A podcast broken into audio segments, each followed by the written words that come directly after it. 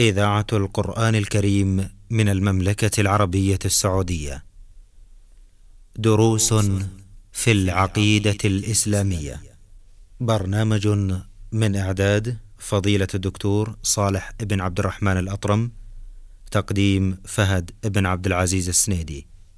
تنفيذ عبد الله بن سعد السبيعي. بسم الله الرحمن الرحيم الحمد لله رب العالمين والصلاة والسلام على أشرف الأنبياء والمرسلين نبينا محمد وعلى آله وصحبه أجمعين أيها الإخوة المستمعون السلام عليكم ورحمة الله وبركاته أسعد الله أوقاتكم بكل خير وأهلا ومرحبا بكم إلى حلقة جديدة تجمعنا مع فضيلة الدكتور صالح بن عبد الرحمن الأطرم فأهلا ومرحبا بكم شيخ صالح حياكم الله ووفق الله الجميع لما يحب ويرضى حياكم الله لا زلنا نتحدث عن أنواع العبادة التي تحدث عنها الشيخ محمد بن عبد الوهاب رحمه الله. توصلنا إلى الحديث عن عبادة الذبح. آه، بودنا أن نتحدث عن هذه العبادة آه، توجيه كونها عبادة بالأدلة الشرعية وصلتها بالعقيدة إذا تكرمتم شيخ. بسم الله الرحمن الرحيم، الحمد لله رب العالمين وصلى الله وسلم على نبينا محمد وعلى آله وصحبه أجمعين. ذبح الحيوان الأصل فيه المنع لأنه إزهاق روح إلا إذا كان ذا شر كالحيات والعقارب. فإذا كان ذا شر وخيف من شره والفويسقة والغراب والحدأة فهذا يكتب على كل حال. وما لم يكن فيه شر فلا يقتل. ولا يذبح. هذا الأصل. هناك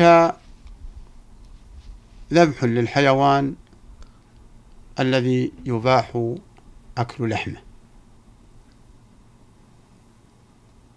فإذا عرفنا أن الأصل اللي هو سفك دم الحيوان ممنوع فيباح لحاجة الأكل هذا هذه هذه نقطة. ولخوف نتثبت منها. نعم. نتثبت منها. والإخوة الضرر تقدمت الإشارة إليه نعم. ما يخاف الضرر هذا يقتل بكل حال. نعم.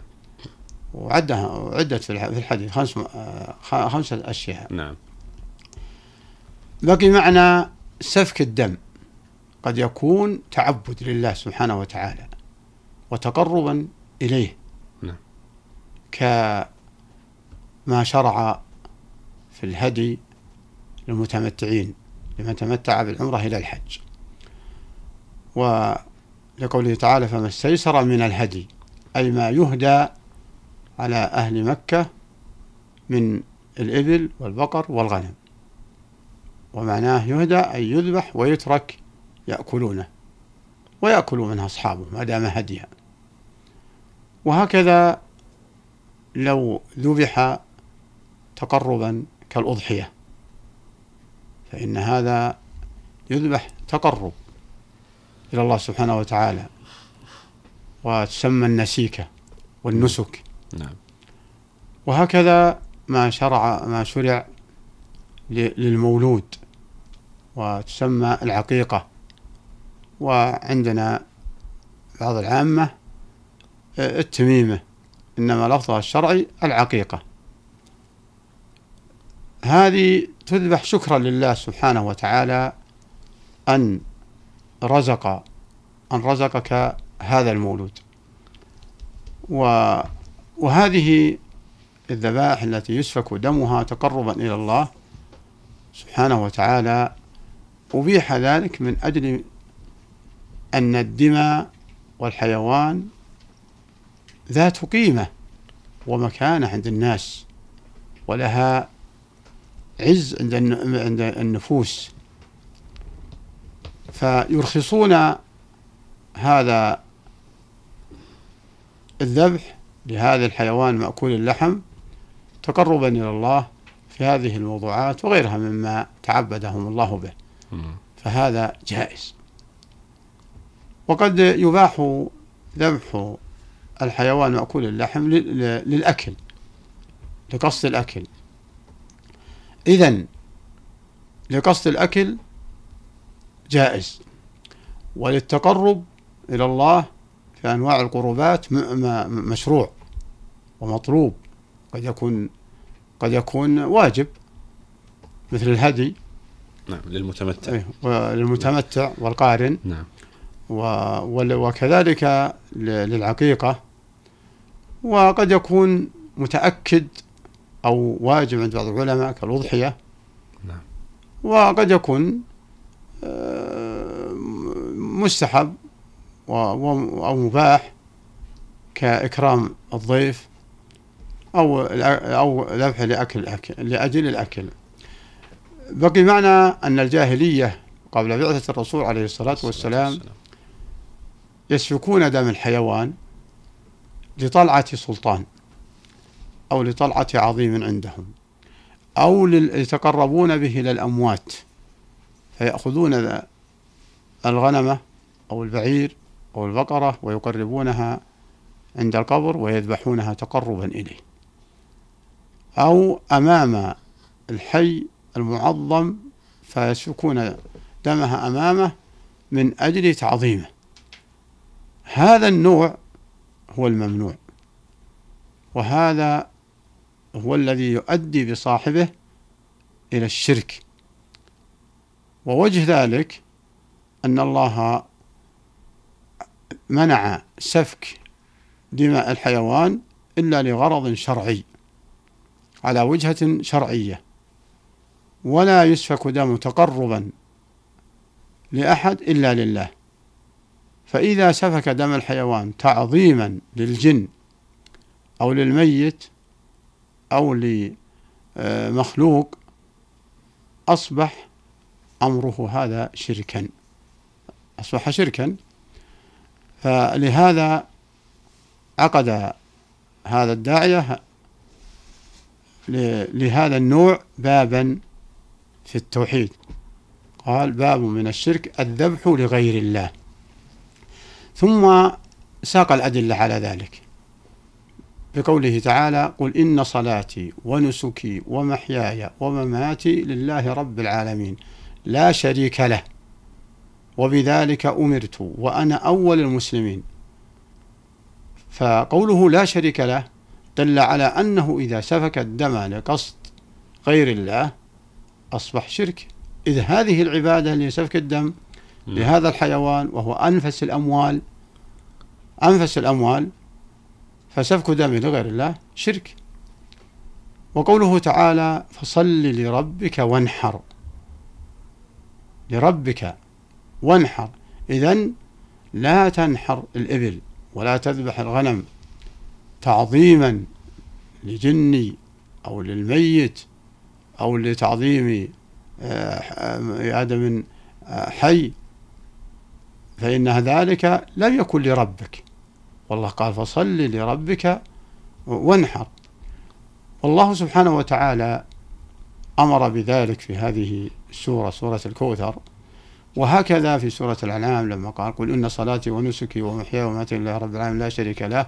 وبذلك أمرت وأنا أول المسلمين لأن الرسول عليه الصلاة والسلام بعث في مجتمع جاهلي يعملون ذلك بكثير.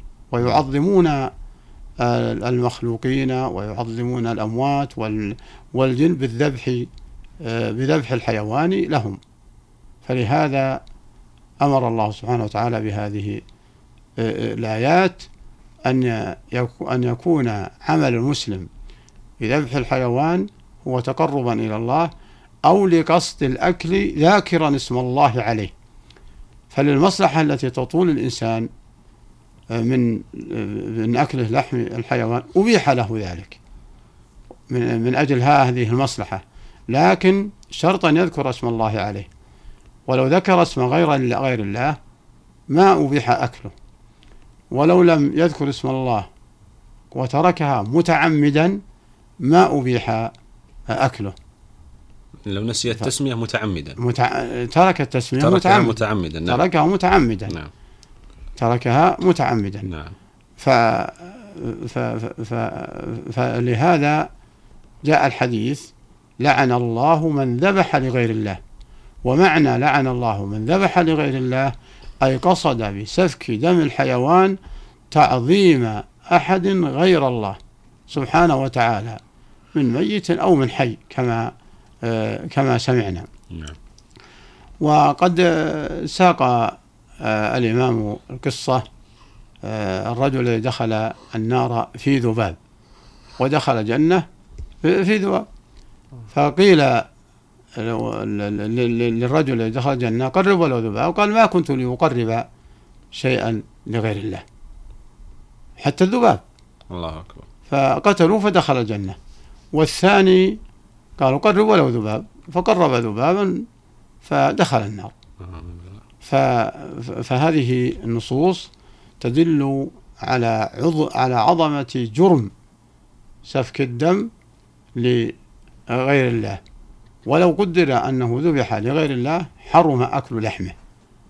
لأن الله قال ولا تأكلوا مما لم يذكر اسم الله عليه وإنه لفسق وإن الشياطين ليوحون إلى أوليائهم ليجادلوكم وإن أطعتموهم إنكم لا إنكم لمشركون.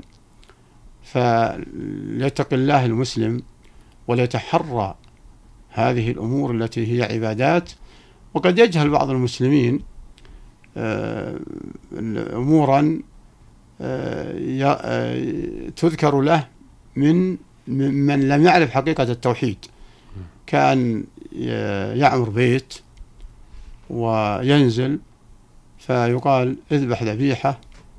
وانشر دمها في البلاط أو على الزلف أو على العتب. هذا غلط. هذا لا يجوز. نعم. وهذا قد يؤدي إلى إلى الشرك إذا قصد بذلك إرضاء الشياطين. نعم. هم أن يذبح ذبيحة من أجل أن يدعو أصحابه لبيته وهي من تسمى منزاله. هو ذبحها لقصد الأكل ما ذبحها لأجل ينشر دمها على ال- ال- العتب. والعاقل يعرف أن ذلك لا يجوز حتى من الناحية الشرعية آه، الظاهرة أنه وسخ, كيف يوسخ أرضه وبيته في, في, دم؟ وكيف أنه آه، يخاف من الشياطين وهو يقربهم؟ لأنهم كل- كلما قرب له- لهم زادوه رهقا. نعم. زادوهم رهقا. فالذي يبعد من الشياطين قلت بسم الله أعوذ بكلمات الله التامة من شر ما خلق. كما قال عليه الصلاة والسلام من نزل منزلا فقال أعوذ بكلمات الله التامة من شر ما خلق لم يضره شيء سواء بيت أو في البر أو في أي مكان. نعم. نعم. شكر الله لكم يا شيخ على هذا البيان والإيضاح ونسأل الله تعالى يوفقنا جميعا لكل خير. مستمعين الكرام في ختام هذا اللقاء تقبلوا تحية زميلي أحمد الغامدي من الهندسة الإذاعية حتى نلقاكم نستودعكم الله. والسلام عليكم ورحمة الله تعالى وبركاته. دروس في العقيدة الإسلامية. برنامج من إعداد فضيلة الدكتور صالح بن عبد الرحمن الأطرم تقديم فهد بن عبد العزيز السنيدي تنفيذ عبد الله بن سعد السبيعي.